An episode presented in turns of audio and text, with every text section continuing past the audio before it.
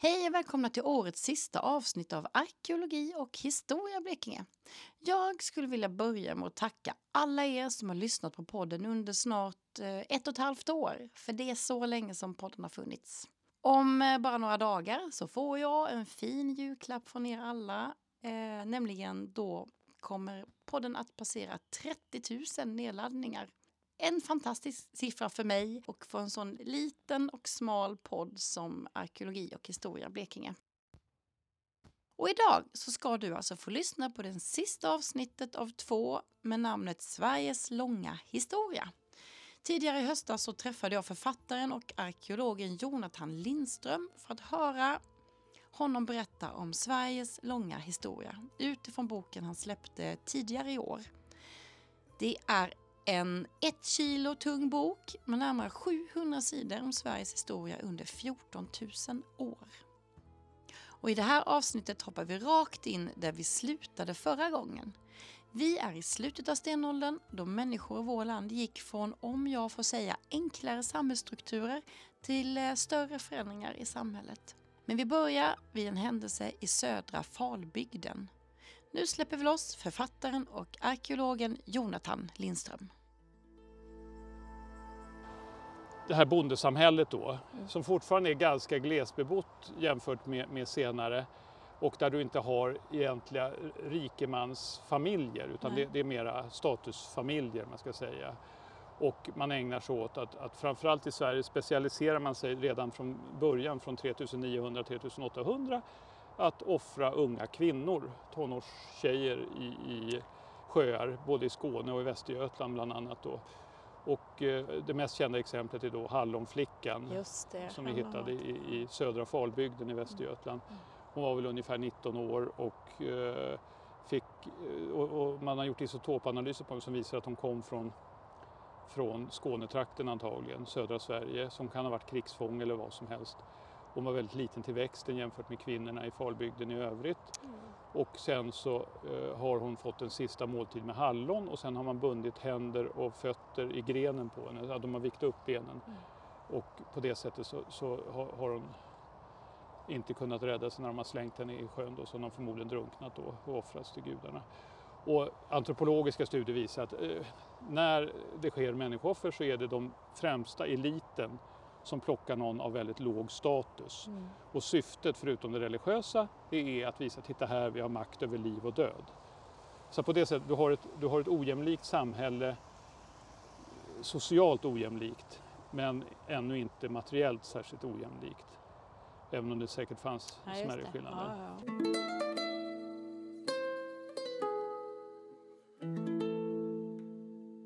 Sen 3000-talets slut så fanns det också den så kallade gropkeramiska kulturen mm. kring kusterna.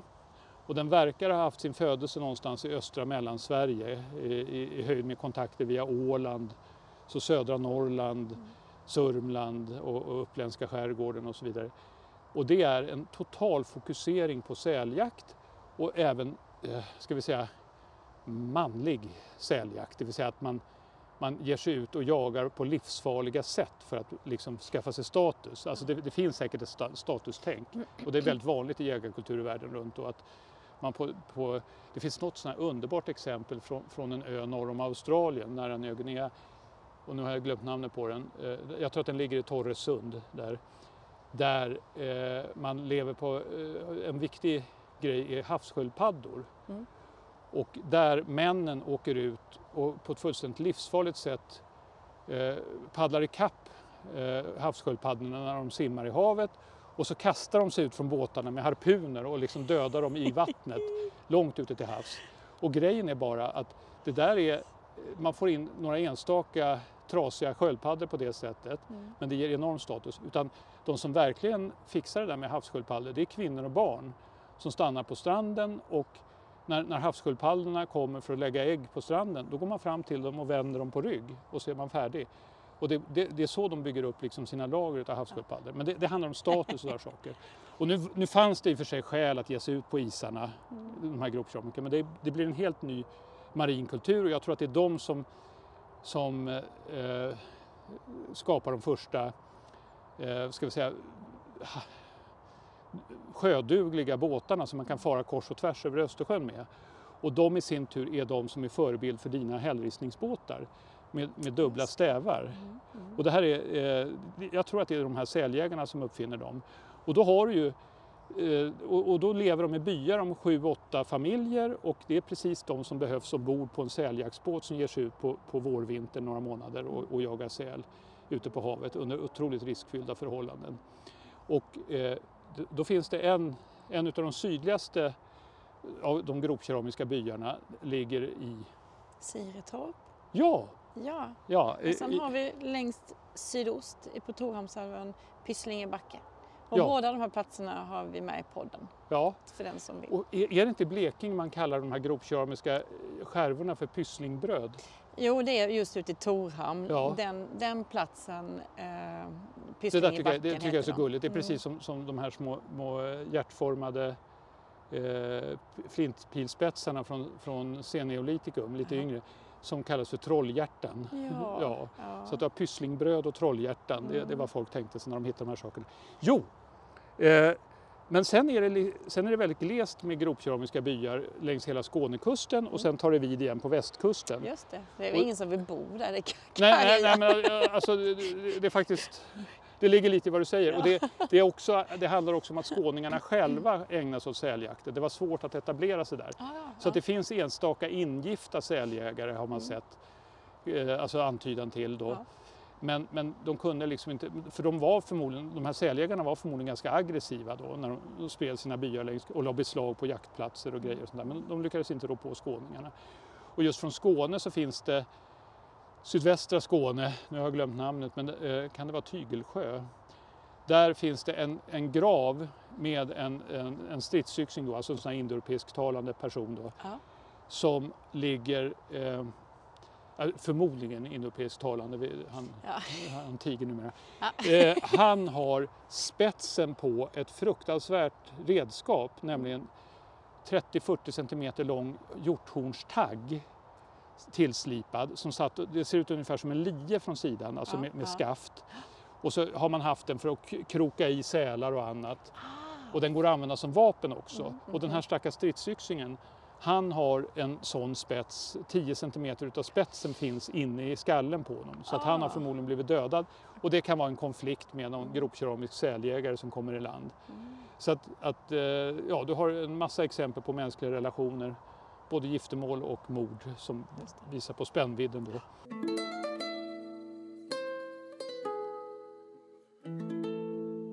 Kring slutet av stenåldern och början av bronsåldern, säg 2000 före Kristus, Mm. då sker det en extrem befolkningstillväxt i, i, i Sverige, södra Sverige framför allt. Så att du, du, du kanske i vissa områden så ökar befolkningen tio gånger om. Oj. Alltså det, det, det är enorm skillnad. Och man kan dessutom se då den tidens gravskick, hällkistor. Det är i princip små stenhus åt de döda och de dyker upp över hela, det är första gången man har sådana här monument som, som finns över hela Sverige. De kan vara ganska diskreta. De ligger i marken då och är omgivna av en stensättning och annat. Och de är, man kan se dem som en sorts lagfartsbevis, att nu blir det rush, att nu måste vi se till att markera att vi bor här. Våra förfäder bor i det här lilla stenhuset och den, de här markerna hör till oss. Boskapsskötseln blir mycket viktigare och, och eh, eftersom man bor mycket trängre, så, så, alltså det är mycket mer folk, så, så ökar kolonisationerna, att man, man lägger beslag på marker och det är då vi får, nu vi får de liksom fasta bygder som vi har ända sedan dess Mm. i princip. Det är dessutom så att eh, redan då tidigare under yngre stenåldern, från, i mitten på 2000-talet, från 2800 till 2300, då har vi den här så kallade stridsyxekulturen som sprids i, i, eh, eh, i sö- södra Sverige upp längs Norrlandskusten. Och det är folk som kommer in i ganska stor mängd från, från eh, Estland och Finland och de är indoeuropeisktalande. Så att de har, de har alltså eh, för in det språk som vi- talar än idag, alltså en, en ättling till. Så att Okej. om jag säger så här, Oinos do treyes, Ah. kan du ana vad det betyder på modern svenska? Ja, ett och två och tre kanske. Ja, precis. Och det, det är alltså en, en, eh, ett exempel på ord som man har lyckats rekonstruera genom att jämföra indoeuropeiska språk runt om i världen och, och dra det tillbaka. Så, att, så lät det när de pratade nere i Ukraina, steppfolken där nere. Eh, och, och, och, det här språket har spridits genom invandring och även kulturkontakter då. Det blev ett sorts, alltså det är som vår tids engelska, engelska. att även de som ja, inte ja. hade det som modersmål lärde sig det här. Ja. Och man hade många kontakter.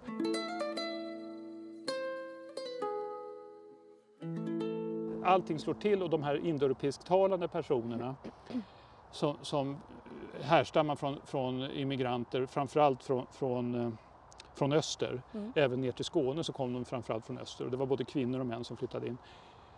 När den här befolkningsexplosionen kommer kring år 2000 f.Kr. Då är, då, då är det deras språk som kommer att dominera. Mm. Och det, det, det är de som ger namn till bygder och grejer därför att det är ju de, det, det är de som liksom etablerar de här bygderna på ett helt annat sätt än tidigare. Så att alla tidigare ortnamn verkar försvinna i stort sett. I södra Sverige pratar jag om ja, nu. Mm. Ja. Eh, och, och, eh, och det är också då som sådana eh, beteckningar, jag skulle tro då att de börjar växa fram som svear och götar och så vidare. Att så de, pass? Ja, ja men alltså det, det i och med att du har en språklig kontinuitet mm. från mm. den här tiden och att det är, det är de som lägger beslag på markerna så är det mm. inte alls omöjligt att det är så.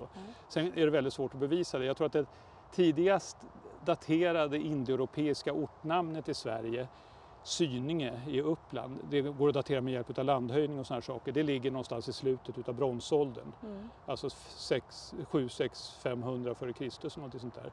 Men det är uppenbart att det, det, är mycket äldre och att många namn är äldre. Mm. Så att, eh, och det där, det där tycker jag är jätteroligt med, med ortnamnshistorier.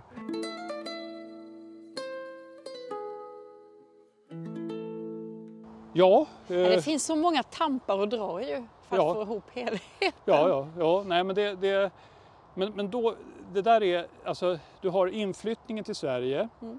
du har bondekolonisationen, den där tidiga, som är kring 4000 f.Kr som är en ganska stor förändring eh, ändå. Men den här förändringen som sker kring 2000 och fram till äldre bronsålderns början, mm. det är den största förändringen i hela förhistorien. Mm. Och jag skulle säga att det är egentligen, nu, nu får jag på tafsen av historiker som är insnöade på, på de senaste 40 000 åren, men jag skulle säga att det här är den största förändringen i historien fram till industrialiseringen. Mm. Och det är lite, lite fel, men, men det finns en del rätt i det också. Därför att då etableras det hierarkiska samhället där du har hövdingar som har stora lyxiga palats på 50-60 meters längd. Alltså de kan bjussa på festhallar på uppemot 400 kvadratmeter. eh, Medan eh, normalt folk bor då på 70 kvadrat eller någonting ja, sånt där. Då. Ja. Och, det, du, du, och det som är grejen här, den stora grejen, det är långdistanshandeln. Mm att i och med att man börjar uppskatta brons, legeringen då en blandning av tenn och, och, och koppar, eller koppar och tenn kanske man ska säga, det är ju mest koppar, den kräver import från kontinenten därför att man fattar inte att man kan bryta sånt hemma. Det, det, det, det är först väldigt sent som man inser den saken. Så att all metall, all brons, eh, eh bronsmetall kommer utifrån och måste hämtas. Och då måste man, alltså, jag, jag pratade om expeditioner i samband med att hämta hem flinta. Ja, men det var en futtig grej i jämförelse med all den metallhandel som pågick då. Och det, alltså att, de, att de kunde det, det är ja, ja, ja, ja, ja, men det helt, och, och, och då har arkeologerna eh, rekonstruerat stora handelstrianglar eh, mm. som, som vä, vä, västskandinaver och, och eh, förmodligen en del Blekingebor också, men, men jag kommer tillbaka till vad de kanske åkte i första hand. Men då har man alltså utrustat flottor och så har man tagit med sig bärnsten och pälsar som man kan ha inhandlat i Norrland. Men framförallt så ser man till att ragga upp slavar, det vill säga fånga folk. Därför att det var, det var liksom det bästa man kunde erbjuda i utbyte mot metallerna. Mm. Och så har man tagit sig upp för de tyska floderna, bytt till sig koppar i första hand i mellersta Tyskland och träffat folk och druckit eh, alkohol ur små trevliga temuggar, och, alltså, alltså koppar och grejer. Det, det ser precis ut som moderna kaffekoppar en del utav det fast det är lera då, brännlera eller keramik. Då. Eh, och det här dryckesvanorna de tar man med sig hem så man ser hur, hur de liksom har plockat med sig finserviser hem och hur det blir förebild och sånt där. Men de, de handlar kopparn där. Sen kan de åka ut för en annan tysk flod och ner till Engelska kanalen, åka över till Themsens mynning.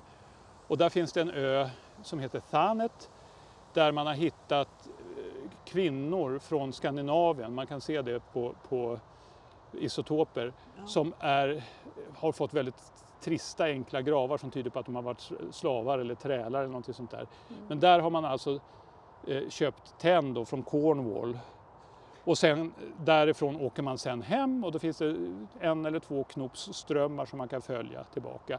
Och jag tror att, att Blekingeborna, hövdingarna där, de ja. åker ner till, till, till eh, via Åder. Alltså de åker ner till Bornholm och sen mm. ner till Åder och ner i Tyskland den vägen. Och de har förmodligen skaffat bärnsten från sydöstra delen av Östersjön och, och, och slavar och annat och sånt där och gett sig ner.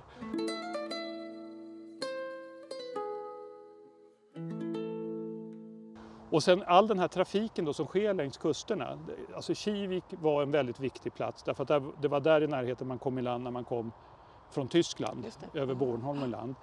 De har legat som jätteproppenorvar där och, och fångat upp saker. Så att Blekingeborna har säkert varit tvungna att vara snälla mot Kivikskungen på ett eller annat sätt. Så man mm. kan tänka sig att de har ingått i något allianssystem då. Så att det, det är en tidig, vad ska jag säga, ett, ett sorts politiskt välde. Eh, men sen är det också det att här och där längs kusterna så finns det enorma ansamlingar av hällristningar. Och då har vi i Blekinge, vad har vi där? Hällristningar. Ja, och eh, ja. Tors... Torhamn. Torhamn, ja just det, jag glömmer mm. alltid att det ska vara genitiv S. Torhamn där. Och det är ju en extremt viktig punkt längs kusten. Så det är självklart, det är där man landar och stiger i land och så har det varit genom hela historien. Så att Blekinge får en, en sorts mellanstations Eh, placering. Alltså det, det, är viktigt att stanna till där på vägen fram och tillbaka för, för folk som kommer från Mälarområdet. Alltså, redan nu så fanns det ju ett Sverige antagligen då, om, man, om man ska se på det rent praktiskt. Men man ser att det dansk-skånska inflytandet, politiska inflytandet, det ser man på typen av vapen, vaponyxor och annat, det sträcker sig hela vägen upp till Öland. Mm. Så att Blekinge har hört till... Alltså vad kul att man kan se det så. Ja, ja. Nej, men det, ja. det, alltså det, och det, det här är allting är hypoteser men mm. alltså, materialet talar för detta mm. och snarare än motsatsen medan Gotland hör till Mälarområdet mm. till exempel. Så där har du två politiska välden som man kan enkelt översätta med skånsk-danska väldet och mm. eh, Sveaväldet.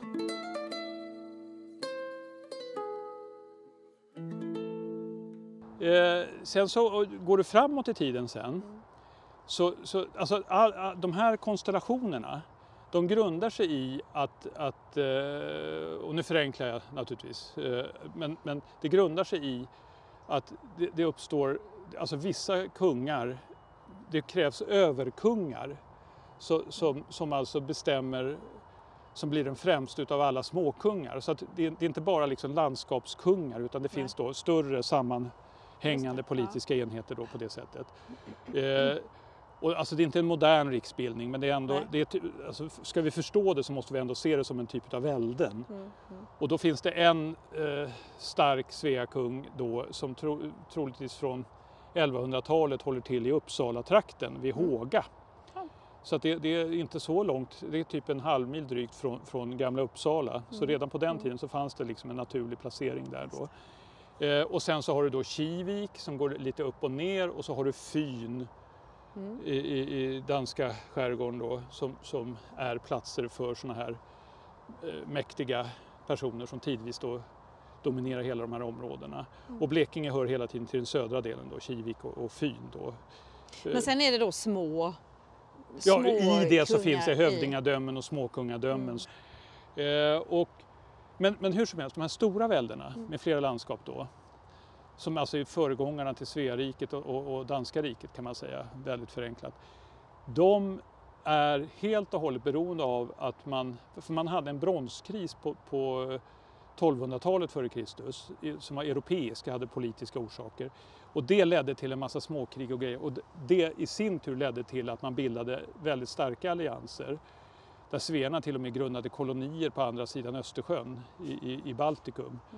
Mm. Eh, då, eh, det här eh, byggde helt och hållet på att de här överväldeskungarna, de största kungarna, då, de byggde sin makt på att de såg till att styra över de här, den här långdistanshandeln och kanske beskydda handeln och så vidare.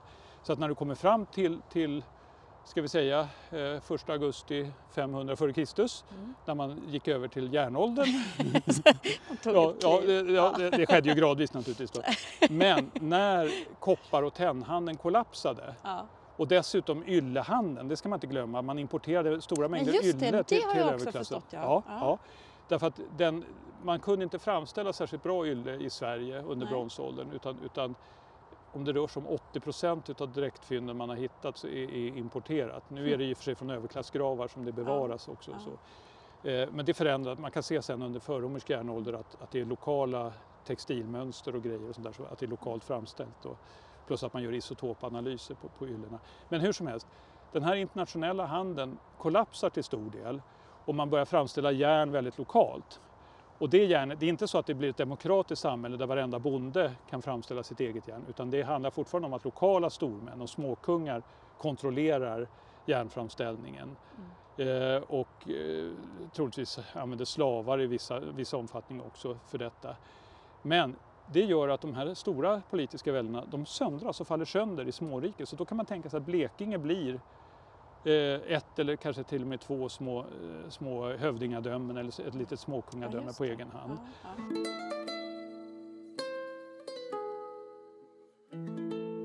Och sen, det som händer sen då med, med under romarrikets tid, från Kristi födelse och framåt 400 år, det är att eh, man eh, Eh, Eh, visserligen så blir handeln mer omfattande vid det laget och, och, och slavhandeln med, med, kontinenten och bärnsten och alltihopa och sånt där. Men det är inte någon ung testosteronstinn stormannayngling som vill satsa på att bygga upp en affärsverksamhet hemma. Alltså det, det är sämsta sättet att göra karriär. Jättetråkigt och man får inte utlopp för sin psykotiska intresse för att döda andra och sådana här saker. Utan de samlar sig i stora grupper om hundratals män och reser söderut och tar anställning i, i, antingen är de med och plundrar romarriket eller så tar de anställning och försvarar romarriket. Och, det där, och så får de guld med sig hem. Och det där är, eh, då har vi kommit in på en fantastisk fyndplats som du har varit och grävt på Aha, själv. Västra Vång. Ja, Ja. Där har du då exempel på vilka, vilken typ av, av centralplatser och mm. hövdingadömen som dyker upp. Så att, eh, och, och, och, där har du en fantastiskt rika fynd som, som är, är, alltså, man blir ju gråtmild när man ser grejerna. Själv var jag bara med 2004 när de hittade, vi hittade första det här bronsansiktet, den allra, ja. allra första. Det var långt före guldgubbar och sånt. Ja, men, men, men eh, det, det var häftigt. Det hedrar dig att, att vara med precis i början hur som helst. ja. Just det här med Just det här med att man hittar fullt med romerska importföremål ja. och egenframställd lyx mm. på det där sättet och guld och, och grejer och sådana här saker. Så då har du den här långa fasen utav av eh, alltså att, liksom Sveriges lyxekonomi. Mm. Därför att sen har du ju en, en, både en slavekonomi och en jordbruksekonomi hemma vid. Men lyxekonomin den bygger på de här regelbundna resorna ner på kontinenten och du har utvandringar från olika håll och kanter också, folk som aldrig mer kommer tillbaka. Eh, det var ju många som dog också i det här sammanhanget. Men, men då har du alltså en, en sorts gästarbetarekonomi, att Sverige är ett u-land och Blekinge är ett u-land som, som, eh, där man åker utomlands och gästarbetar och kommer hem med förmögenheter. Och det är, det är också ett väldigt obehagligt samhälle på det sättet att när du kommer hem då och har guld och pengar, då tar du för dig så gott du kan och trängs med alla andra eh, stormän som försöker ta plats och så vidare. Så det, det, det, är ett väldigt obehagligt samhälle. Och när sen då Västrom brakar samman 476 efter Kristus och eh, inom några årtionden så upphör den här inkomstmöjligheten. Då får du en social kris när alla vänder hemåt och ska försöka skapa sig utrymme hemma vid och börja konkurrera. Och, med, och då har man byggt upp ett, ett otroligt slavsamhälle. Det finns jättemycket slavar, eh, alltså relativt sett då. Så att, och, och, och, eh, och man börjar trängas och du får sådana inrikeskonflikter. Öland, Sandbyborgsmassakern till exempel, 490 ungefär där, där två grupperingar brakar ihop. Det finns olika teorier men det, Mm. det verkar vara den rimligaste. Du har vad jag tror är ett stort slavuppror i Mälardalen under kung Egil, Sveakungen Egil och så vidare. Och då, då börjar väldesuppbyggande nummer två.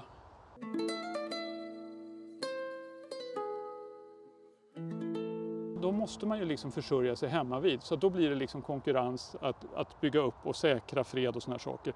Och det som är ett jättetydligt tecken under äldre järnåldern, den här tiden från- Kristi födelse fram till 500-talet, på att det var rätt jobbigt, det är de stora krigsbytesoffren som finns i Danmark och runt om i Sverige. Där man alltså har eh, offrat vapen och grejer efter angripande arméer som man har lyckats slå skallen av. Eh, och det visar att det pågick oavbrutet här prestigefyllda konflikter mellan de olika landskapskungarna och, och härskarna. Och lustigt nog så upphör det nästan helt från 550 ungefär. Och det, Hur vet man det? Ja, ja, det beror på att man har ju grävt och hittat. Så att det här är alltid statistik. Alltså, slu, eh, alltså, det kommer fram slumpmässigt fynd och ibland eh, så, så kommer det fram då genom metodiskt sökande. Men, men de, de, eh, ja, de, de, de minskar i antal väldigt kraftigt. Den här typen av, av uppenbara offer då, som, som annars är vanliga under hela eh, Västroms tid då, här uppe i Norden. Eh, och då är det så att, att eh, det finns redan sedan tidigare så finns det vissa samarbeten mellan olika landskapskungar, om jag kallar det för det då, småkungar. Och då kan man till exempel se att Blekinge Jo, och man har, man har, när man träffas så har man medaljutdelning och sånt där. Det här var, var man förtjust i ända in i början på 1900-talet, att man fick medaljer. Ja. Ja, och då, då är det de här guldbrakteaterna, du vet, Ja, med, det kan vara. Nordens gestalt och så står det några små runor på och lite andra saker. Och de här kunde man bära som smycken och då kan man se att de här har delats ut inom vissa regioner. Så stormännen har liksom varit sam- det är någon småkung som har delat ut dem och så vidare. Då. Och då kan man se att Svearna är för sig själva, de får sitta och tillverka sina egna eh, och, och, och de kommer ingen vart med det. Så ingen tycker om dem helt enkelt. Eh, På västkusten så är det samma sak med bohuslänningarna, de har sitt eget. Sen finns i Danmark så finns det, man kan säga att det som är nuvarande Danmark är som en enhet. Och sen ser man att Blekingehövdingarna, de får medaljer som de delar med, eh, nu ska vi se att jag säger rätt här, Öland och Gotland tror jag. Eh, och eventuellt också Bornholm, men hur som helst Öland och Gotland, det är det viktiga.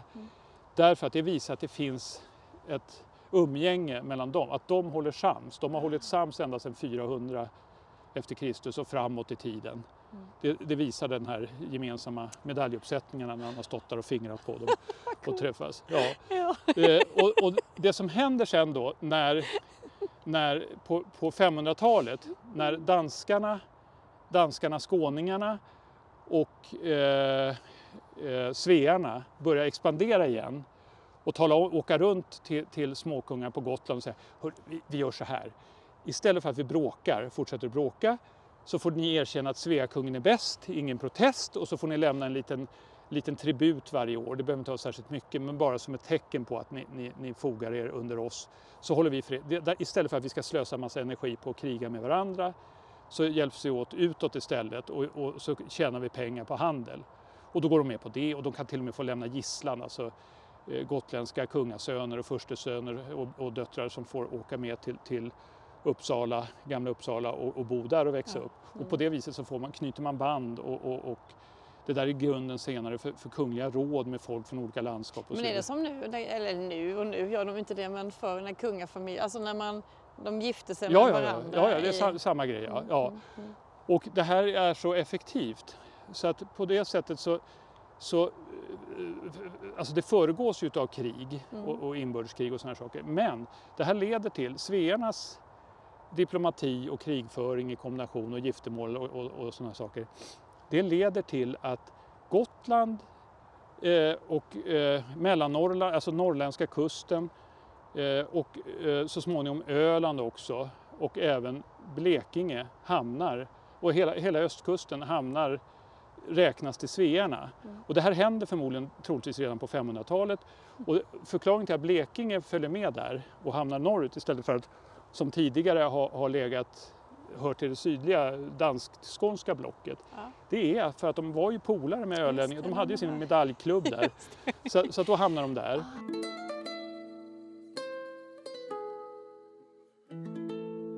När, eh, när vi går framåt i tiden så Mm. finns det skriftliga källor från 800-talet, eh, slutet av 800-talet, nämligen Wulfstan som vars resa, han, det är en köpman Mm. som eh, reser i södra Östersjön och som åker senare till England och berättar för kung Alfred om hur världen ser ut där. Mm.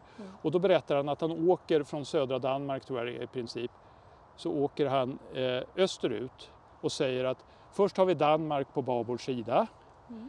Eh, och sen så kommer, eh, och, och, dit, och dit räknar han Skåne också. Och sen säger han, sen finns, sen finns Blekinge, det hör till Svearna, säger han.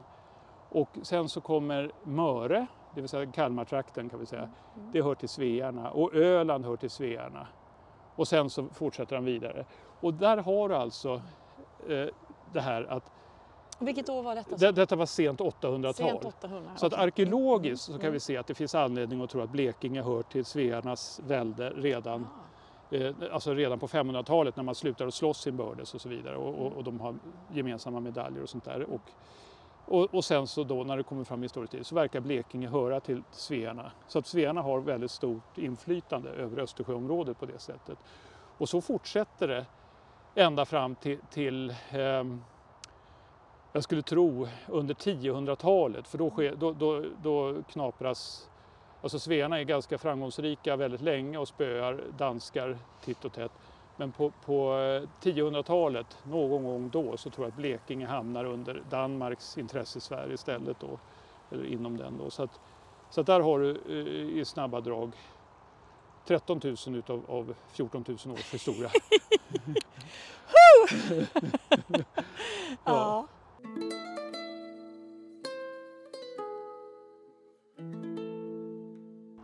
Alltså vilken, vilken häftig historia. Hur har, du, hur har du gjort detta? Det är ju... Jo, det handlar om, alltså jag arbetar med trakasserier. Ah. Jag ringer runt till mina kollegor och pratar och testar och provar. Mm. Och de är införstådda i att jag kan inte kunna allting själv Nej. utan jag är ute efter övergripande mönster och så vidare. Mm. Och det är det jag är bra eftersom jag har sysslat med populärvetenskap väldigt mycket förutom att jag, att jag även gör detaljstudier, alltså direktvetenskapliga grejer. Men, men mer och mer har jag gått över till att skriva så här övergripande.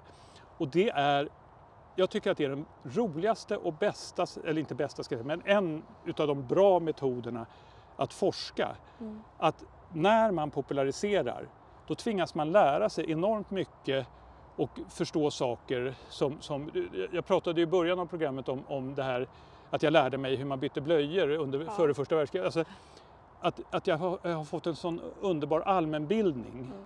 Alltså, alltså arkeologin handlar ju om precis allting mänskligt. Så jag har försökt lära mig allt om religion, om, om, eh, om, om klädedräkter, om, om vapenteknik och sådana här saker. Och jag kan ju inte lära mig allting Nej. i detalj. Men däremot kan jag hela tiden stötta mig på andra arkeologer. Mm. Och då går jag inte omvägen via deras försiktiga vetenskapliga artiklar som är rensade utav peer reviewing som jag tycker är ett avskyvärt system. Det här att man anonymt ska, ska granska varandras artiklar innan de publiceras. Därför att Mm. då försvinner den här öppna debatten som är det roliga. Mm. Utan man ska liksom i glädje bråka med varandra och försöka komma fram till saker och ting. Och det är det de här bråken jag försöker återskapa genom att ringa runt och prata med mina kollegor. Eh, och, och då visar det sig också att då får jag mycket mer aktuella uppgifter och jag får de, ta del av deras tankar om saker och ting. Och det gör att jag kan knåpa ihop det här. För att det, det, och sen är för det är ju väldigt omfattande. Det, det, det är det. Ja, Eh, jag har stått och mm, ja, ja. Jo, men, men, men, men det handlar om att det är fruktansvärt roligt så att det är inget besvär. Alltså det, det, är bara, det är bara att kasta sig ut och hålla på med det. Och, och nu har jag så lyckligt så att jag kan, ha, precis som du, så kan jag liksom försörja mig på att, att arbeta på det här sättet då, att popularisera.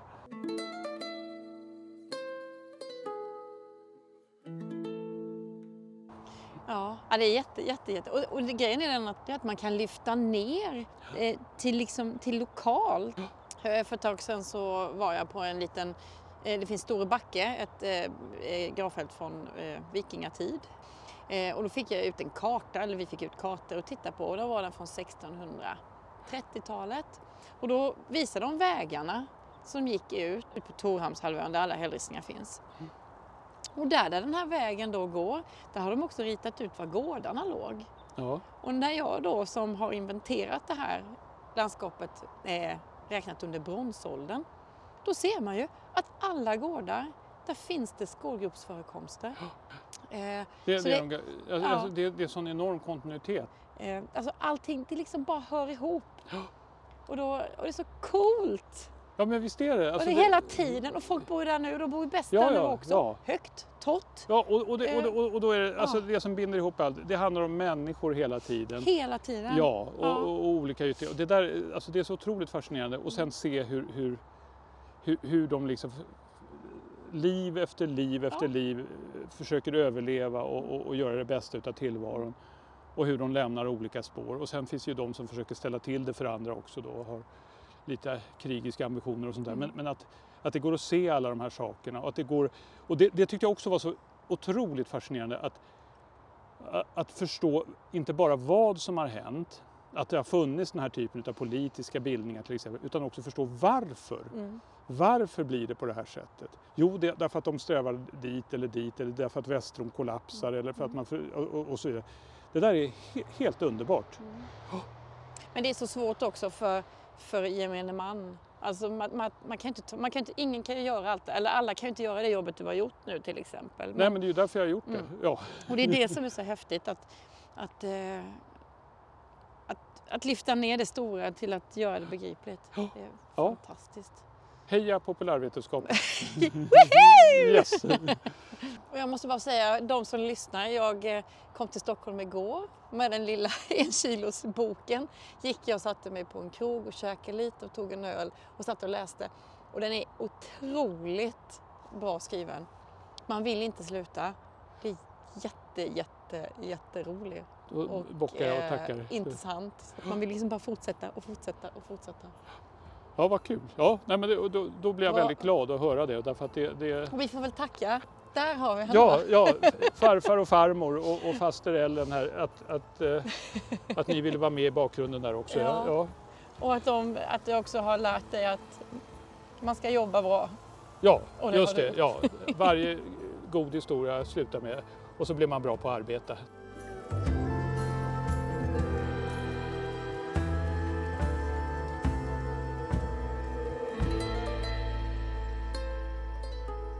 Ja, det måste vi väl ändå säga att Jonathan Lindström är bra på att arbeta.